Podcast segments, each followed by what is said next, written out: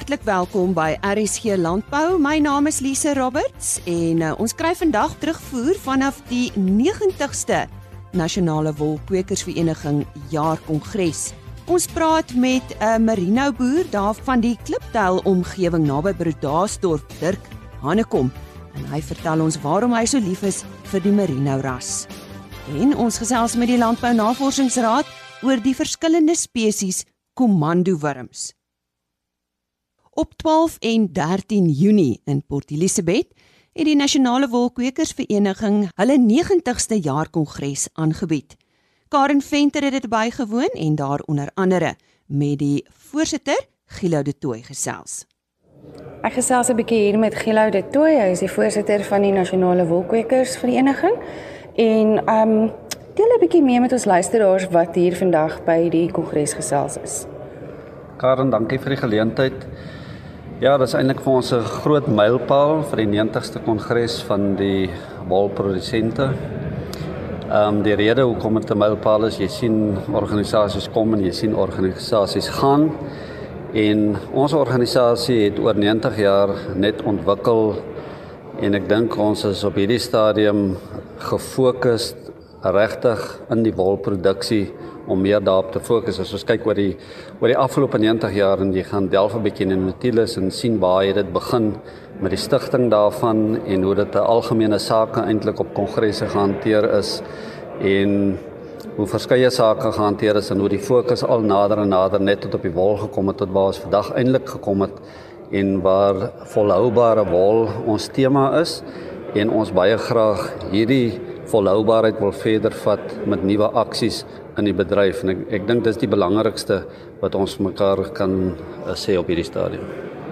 Die volhoubaarheids ehm um, dryf word deur Cape Wools gedryf en daarom verwelkom ons ook vir die aanstelling van Dion Simon wat uh, totaal en al onderleg is in hierdie onderwerp wat uit die bokkar kom met verskeie krisisse wat hy hanteer het en dat hy op hierdie stadium eintlik baie baie goed doen en 'n groot dryf het om hierdie aksie te dryf van Kaiboel se kant af sodat ons sekere goed in plek kan sit vir biosekuriteit. Ja, so dit gaan daaroor om om maatreëls in plek te stel om biosekuriteit vir die Suid-Afrikaanse produsent om hulle meer bewus te maak daarvan, maar ook om elkeen se samewerking te kry in die bedryf om biosekuriteit te hanteer want dit is juis waar die probleem van uitvoere na China begin het is is 'n biosekuriteitsprobleem met die back and claw en dit nie van die staanspoor dat af reg gehanteer is nie. Ek dink die die wolbedryf of die produsente organisasie is gerad om sekere goed te hanteer en ons het dit ook bewys oor oor jare en daarom nooi ek ook almal uit wat nog nie deel van hierdie organisasie is om deel te word. Indien julle met ons wil kontak maak, kan julle net op ons webtuiste gaan kyk nwga.co.za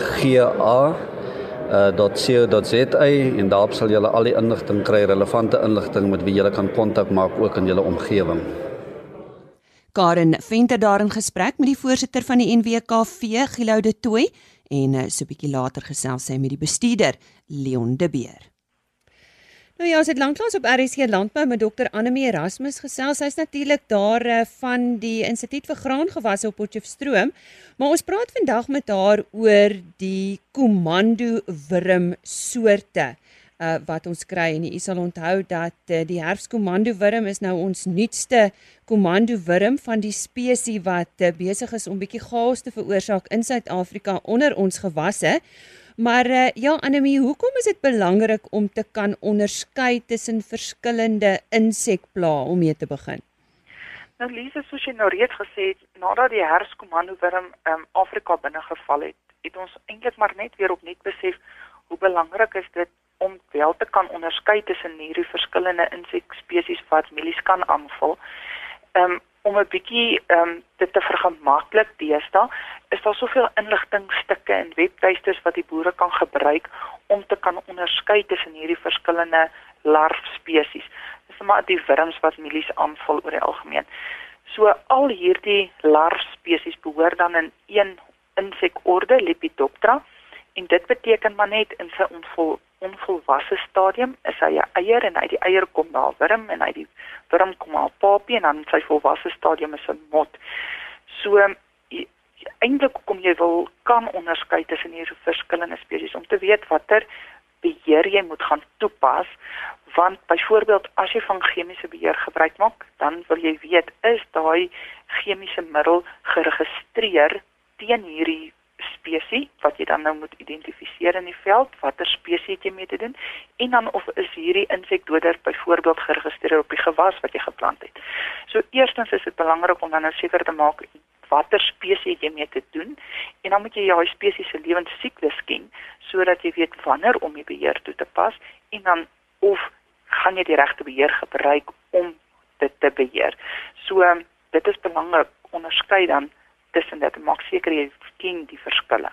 Nou goed, kom ons help ons 'n bietjie daarmee. Hoe kan daar onderskei word tussen die verskillende komandowurm spesies? Wel, ons almal wat in Suid-Afrika is, dit die tyd ken ons die twee komandowurm spesies. Daar's twee aan ons bekend. Die Afrika komandowurm en sy wetenskaplike naam is Spedoptera exempta en dan het ons die klein komandowurm Spedoptera exigua. En dan soos jy reeds gesê het, is die herskomande wurm die nuwe ene. Sy wetenskaplike naam is Spedoptera frugiperda. So mens moet kan onderskei tussen hierdie drie komando wurms. Nou as ons begin by die Afrika komando wurm, hulle is wyd versprei in Afrika. Suid van die Sahara is hulle 'n uh, nie so ernstige plaag soos in die noordelike ehm um, lande noord van Suid-Afrika nie kenmerkend van die Afrika komandowurm is dat hy onverwagse plaaguitbrake kan hê. So groot areas van veiding en grasperke en grasgewasse soos mielies en sorghum word dan selde aangeval deur groot kolonies van larwes wat so trek. Klein uitbraakies kom gereeld voor, veral in hoë reënval areas van Mpumalanga en KwaZulu-Natal, maar groot uitbrake kom slegs so elke 5 na 10 jaar, soos wat ons gehad het ehm um, hierdie seisoen wat reeds verby is. Die ernstige uitbrake in Suid-Afrika kom gewoonlik in seisoene waar daar laat somerreëns is na 'n uh, droogte toestand. Dan kry ons probleme met die Afrika komandowurm. Sy mot is so bruin van kleur met wit agtervlerke en kenmerkende donker patrone op die voorvlerke. Die mot kan migreer oor duisende kilometers, veral tydens jare waar daar plaaguitbrake is, dan migreer hulle so in groot massas. Hierdie groot migrasie motvlugte kom dan vroeg aand voor en hulle kan tot hoogtes tussen 300 en 1000 meter bo die grondoppervlak bereik.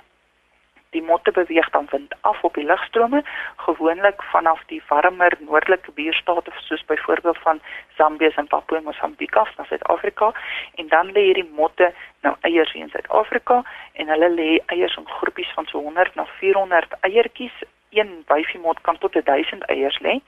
Hulle broei dan uit so tussen 63 afhangende van die temperatuur en die humiditeit en dan die larf word redelik groot, so wat 25 mm en hulle is swart, so navy blou na swart van kleur en dan groen-geel strepe oor die lengte van hulle lyf en 'n kenmerkende V op die kopkapsule. So as hulle uitgegroeide larwes is, dan gaan hulle na die grond en word papies in die grond. Uh, ander mense is dit belangrik om vroeg tydig hierdie wurms waar te neem want dit is seker moeilik om moeiliker om hulle te beheer as hulle eers uitgegroei het. Ja, ehm um, dit is weet jy wat doeltreffende beheer van die komando wurmlarwes is om hulle vroegtydig ehm um, waar te neem indien die larwes eers waargeneem word as hulle amper uitgegroei is, is dit al amper eintlik te laat om hulle chemies te beheer want dan het hulle al reeds klaar die skade aangerig. So ehm um, dis nie noodwendig, daar's nie noodwendig 'n tweede generasie ook nie. So vroeër jy dit waarneem, hoe beter. En waar die larwes dan nog beweeg van een mielieland na 'n ander in die geval van die Afrika komando wanneer as hulle trek, dan is dit nou belangrik om hulle dan nou nog te beheer. En dan is dit eintlik maklik aangesien hulle op die grondoppervlakte is en trek, dan kan dit maklik beheer word deur 'n uh, voor te ploeg en hulle val in hierdie voor en dan kan jy die voor toeploeg of jy kan dit met chemiese middels beheer. So dit is eintlik baie maklik om hulle te beheer, maar dan moet dit vroegtydig opgetel word. En wat van die klein komandowurm? Hy is dan nou Spedoptera exigua en hy het eintlik nie plaagstatus in Suid-Afrika nie. Hy kan 'n trekfase ingaan, maar wat ons nie eintlik al in Suid-Afrika opgemerk het nie, gewoonlik as ons die klein komando wurm kry in Suid-Afrika, sy 'n enkele lopende larf.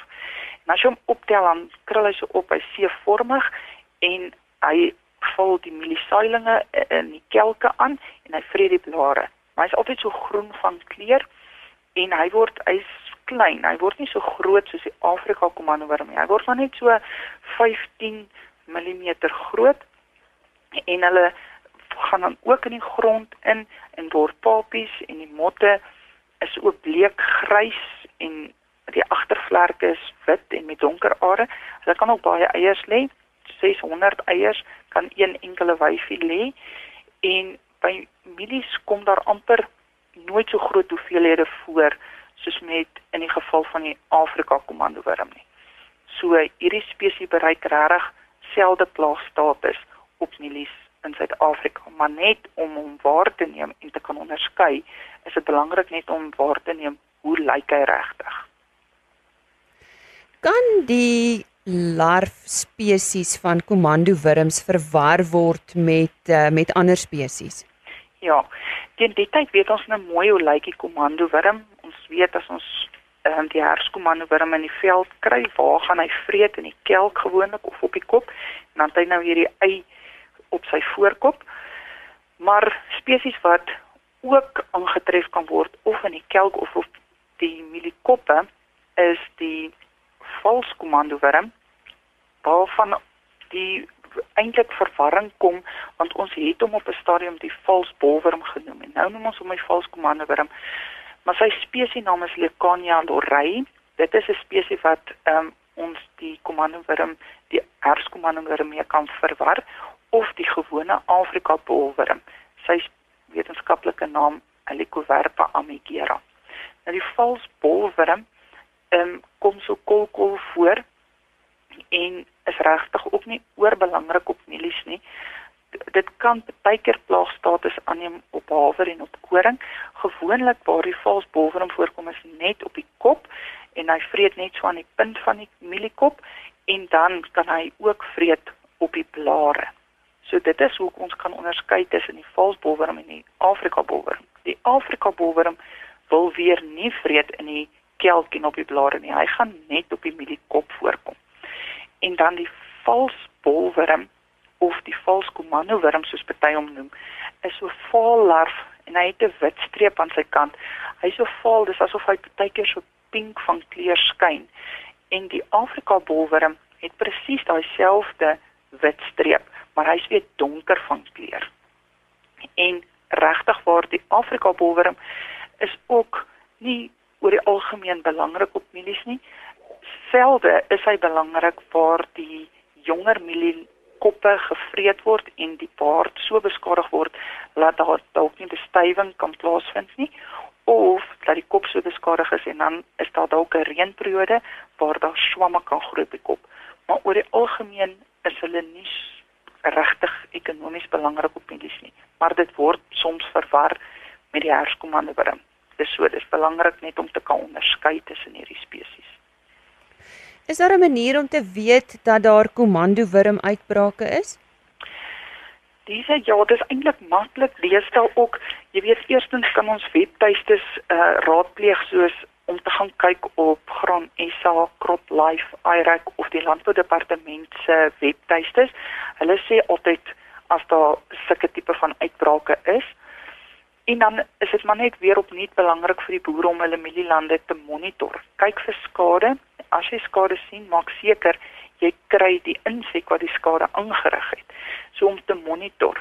En dan 'n goeie aanduiding in die veld is as mens soms samedromming van voëls sien in weiding, dan kan jy maar weet daar's dalk larwes. Ry en gaan kyk daar waar die voëls is. Hulle is 10-10-1 besig om komando wurms te vreet. So dit is 'n goeie goedjies om na uit te kyk. En hoe rapporteer ons dan? Indien 'n uh, boere hulle sien in die veld, julle kan asseblief neem 'n foto. Julle kan dit enige tyd vir my e-pos na my e-posadres toe en ehm um, of julle kan my skakel by my uh, landlyn, my kantoornommer is 018 299 6113. So enige iets wat jy waarneem en ons onseker is oor, stuur vir ons fotos en dan probeer ons julle help daarvan af. Dr. Annelie Erasmus van die LNR Instituut vir Graangewasse op Potchefstroom en ons gee graag haar e-posadres. Dit is erasmus@arc.agric.za. Nou om maklik om te onthou, die LNR het gewoonlik almal dieselfde einde van 'n e-posadres. Uh dit is erasmus@arc.agric.za. Dr. Annelie Erasmus en net weer haar telefoonnommer is 018 Dis daar in Potchefstroom 299 6113. Ons sluit nou weer aan by Karen Venter. Ek gesels hier 'n bietjie met Leon de Beer en ehm um, die man is vrot van die verkoue, maar hy is hier en hy het die twee dae van Kongres bygewoon en um, ek gee die mikrofoon vir jou Leon. Goeiedag Karen, baie dankie. Dis lekker om met julle te gesels. Uh, ons kongres die afgelope tyd het te doen met volhoubare produksie, volhoubaarheid in wol en veral in die wolbedryf. En dit is ook maar die tema wat in die internasionale wêreld in die wolbedryf gepraat word. En ek dink ons is bevoorreg om 'n produk te hê uh wat wel volhoubaar geproduseer kan word en wat natuurlik biogradeerbaar is. Dit wat die moderne verbruiker vandag na vra. En uh, dit is die doel van ons kongres om daaroor te gesels en te kyk hoe gaan ons as produsente sorg dat ons die produk uh, 'n plek gee in die mark wat hy verdien. Uh biosekuriteit natuurlik belangrik vir ons. Uh, ons kyk na die uitbraak van back and closure wat 'n groot impak op ons bedryf gehad het sedert Januarie die jaar waar ons uitvoere na China toe op die stadium nog nie plaasvind nie. Uh ons regering is wel besig om op 'n hoë vlak vir ons die mark weer oop te maak. Uh op die stadium is daar 'n aansoek vir 'n kwarantainesone ingedien by die internasionale dieregesondheidsorganisasie. Uh volgens terugvoering is die aansoek baie positief ontvang en ons hoop dat die OIE of die internasionale dieregesondheidsorganisasie binnekort vir ons terugvoering gaan gee. Indien die aansoek aanvaar word, sal ons ons back and close status vir minstens 'n jaar terug ontvang en indien ons dan natuurlik aan al die reëls van hierdie um, aansoek voldoen en die reëls wat daaraan verbonde is, dan sal ons natuurlik ons back and flow klou vrye status uh, weer terug hê vir 'n langer periode. Die pad vorentoe vir ons as 'n industrie is natuurlik uh om in die tyd waar ons nie sulke bedreigings het van back and vry back and klou vrye status nie, dat ons juis in daai tyd 'n strategie ontwikkel om indien daar weer sulke uitbrake te hê, 'n uh, strategie in plek te hê met ons handelsvennote om te sorg dat hulle ons handel kan voortsit sonder om van voor af sulke dinge te onderhandel. Uh ons wil dit ook in lyn bring met die internasionale wêreld. Ons het reeds met die Australiese eweknie gesels sodat ons strategie ook in lyn is met die strategie wat hulle op die tafel sit uh veral wat biosekuriteit aanbetref en dat die IWTO as die internasionale liggaam vir ons die goed sal fasiliteer met al ons handelsvernoot. So ek dink dis 'n belangrike pad wat ons moet stap. En uh wat Dr Pieter Vervoort beklemtoon het is 'n strategie moet in plek gestel word terwyl jy nie die bedreiging uh fisies beleef nie, maar om die bedreiging eerder uh in die toekoms te beveg as wat jy probeer uh op te tree in reaksie op op uitbrake en sulke tipe goed. Ek dink vir die wolbedryf is die mark op die stadium steeds positief. Daar is nog 'n vraag. Die vraag is aan die taan. Uh, ons kan verwag dat pryse sal bietjie uh, verlangsaam, uh, maar ons verwag nog steeds 'n goeie mark indien ons ons huis in orde kry. Jy yes, so boere kan positief wees en julle is welkom om my te kontak. My nommer in Port Elizabeth is 041 365 5030. Die stem daarvan die uh hoofbestuurder van die NWKV Leon de Beer en Karen Venter het met hom gesels. Ons sal later in die week ook 'n onderhoud uitsaai met Hendrik van Sail. Hy vertel van sy betrokkeheid by uh, wolboere oor die jare en deel ook sy siening van die bedryf. Dirk Hanekom boer op die plaas Korenhof in die Kliptel omgewing naby Bredasdorp. Nou hy bestuur 'n gemengde boerdery wat uit 'n merino stoetery en beeste bestaan as ook saaigewasse wat koring, gars, haver en canola insluit. Maar ons gesels vandag met hom juis oor die merinos.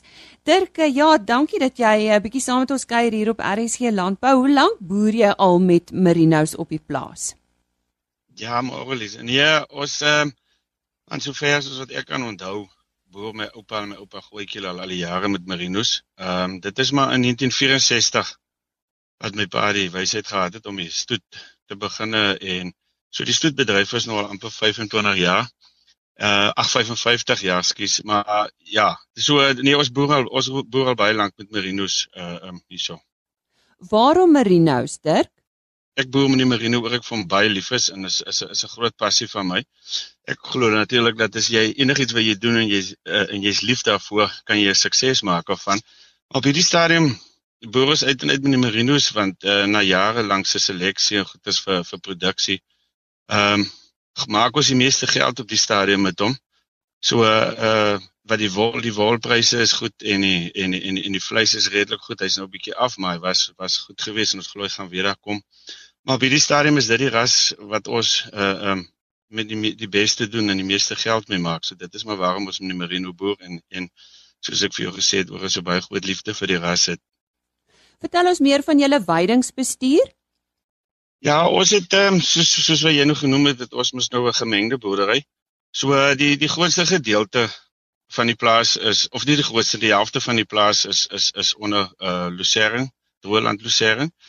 Waar in dan lande wat ons nou byvoorbeeld uh grasprobleme goed as op het, het ons is ons nou op 'n stelsel veral nou die laaste paar jare is dit maar droog en dan dan saai ons 'n uh, 'n uh, wywieke en 'n uh, canola mengsel wat dan vir ons baie gouer uh um kos gee op op daai lande en dan kan ons die grasbeheer toepas. En dan dit is ook 'n 'n medic stelsel wat ons nou 1 jaar koring en dan weer medics en dan nou die grasse die in die onkruide kan beheer. Maar grootendeels bestaan dit maar uit droëland losering uit want ons het nie ons het nog nie besproeiing. Ons is maar afhanklik van die reën. So uh, dit is maar dit is maar waar waar waar waar ons op staat maak is ons droëland losering. En hoe selekteer julle? Dis ons ons het ehm um, ons dit dis 'n ding, is 'n liefde wat van my pa afkom en wat ek geërf het en ek is gelukkig mense wat vir my help om die stoetery het ook 'n liefde. Ons is baie lief vir vir, vir baie hoë kwaliteit wol. So ons ons ons ons selekteer streng op wol en op die lengte van wol en die kwaliteit van wol. Maar uh ons probeer ons probeer die, die beste van ons vermoë om die bouvorm op 'n baie hoë standaard te hou en die vleisproduksie op hoë standaard te hou. En dan selekteer ek vir vir vir uh meerlinge en om soveel as moontlik lammers uh aan te kry so ons dit gaan maar alles ons ons selekteer vir vir die vir die oeye met die wat die hoogste kan produseer die beste produserende oeye en die hoogste produksie vir ons kan lewer. Nou ek dink ons boere weet teen die tyd al dat 'n dier wat onder stres verkeer nie optimaal kan produseer en funksioneer nie. Wat het julle in plek wat dit aanspreek? Ek ek volg baie streng 'n uh, 'n gesondheidsprogram. Ehm um, 'n dier wat gesond is kan kan onder alle omstandighede as hy as hy vo genoeg voeding en goed is dit kan sy produseer. So ek is ek glo dat ons ek, ek hou my diere so gesond as moontlik en so skoon as moontlik ehm um, dat hulle kan net produseer op die hoogste vlak. So jy jy sorg maar dat jou laat laat dat jy baie goeie gesondheidsprogram handhaaf. Ja, en dan nou die soos ek nou vir jou gesê het, jy weet veral nou in die laaste paar jaar wat wat dit wat dit bydroog is wat ons omtrent die grootste gedeelte van die jaar wat ons die laaste, ek dink is die laaste 72 maande het ek gekyk het is daar net 7 maande wat ons nie skape kos gegee het nie. So jy jy moet maar uh, jy moet maar jou voeding reghou en dan jou gesondheid van jou diere reghou en dan en dan kan jy aangaan. Absoluut. Dirk, ek wil afsluit met 'n baie mooi storie. En dis jou ramme se rusplek. Vertel ons bietjie daarvan. ja, wie Elise, dis 'n ag, dis 'n is is is ek dink is maar jy weet 'n ding met 'n naam het is um, glo ek eet 'n mens nie. So dit het nou maar gekom, jy weet die jare is as ou jou stoedramme pas jy op in jou in die ramme is meeste van die tyd naby die huis in 'n ramstal en jy en jy kyk nou maar mooi met hulle in. Jy sien hulle omtrent jy sien hulle omtrent elke dag en dan praat jy sommer met hulle en loop en, en hulle ken jou en ek ken hulle so en 'n ou raak mos nou maar bitter geheg aan die goeders by so baie met hulle werk en hier hier so 'n uh, koppie by ons op die plaas wat vir ons as familie al die jare baie spesiaal is. So ons gaan sommer so toe en ek later van tyd sommer daar vir my dogter so 'n huisie opgesit en sy sit te lees daar en luister musiek, maar dit is 'n is nou vir ons spesiaal en jy kan die 'n groot gedeelte van die distrik en die plaas kan jy daarvan af sien. En toe het ons nou maar toe ek begin 'n hele paar jaar terug, dan is nou so ram nou van ouderdom hoor ek hierdie goed laat slag nie want ek ek ek, ek glo iemand gaan hom eet en so ek laat hulle nou maar so met ouderdom gaan en dan gaan ek die die die wat nou van nie natuurlike oorsake dood is begrawe ek nou maar daar maar die wat nou maar nou net van ouderdom het ek haar plekkie dan gaan pak ek hulle nou netjies daar uit En dan kan hulle nou maar daar lê, dan kan hulle nou daar lê nou van ons van van van my ouers is soos 'n as. So dan kan hulle ook nou maar daar gaan lê en ook maar oor die plaas lê en kyk en so ek glo dis vir hulle 'n spesiale plekkie want hulle het 'n spesiale plek in my hart gehad en 'n groot aandeel in die sukses van die plaas en die stoet gehad, so hulle kan ook daar loop rus waar die vir waar ons voorgeslagte lê is. Dit voel sommer vir ons asof ons saam met jou daar op die plaas is Dirk. Ons het saam met saam met Dirk Hanne kom gekuier op die plaas Korenhof in die Kliptel omgewing daar naby Bredasdorp en hy het ons so 'n bietjie uh, vertel van sy merino stoetery en uh, ja, daai wonderlike rusplek vir die ramme. Ons het gekom aan die einde van vandag se RC landbou program. Sluit gerus môreoggend weer by ons aan. Ons gesels onder andere met SA Stamboek oor die waarde van teelwaardes. En eh, Koos de Pisani praat met Dr Lambrechts van die Departement Dierewetenskap aan Universiteit van Stellenbosch wat navorsingswerk gedoen het op peestersiekte wat onder skape en veral onder dorperskape voorkom. So sluit gerus môreoggend weer by ons aan. Totsiens. RSG Landbou is 'n produksie van Plaas Media. Produksieregisseur Henny Maas. Aanbieding Lisa Roberts en inhoudskoördineerder Jolandi Root.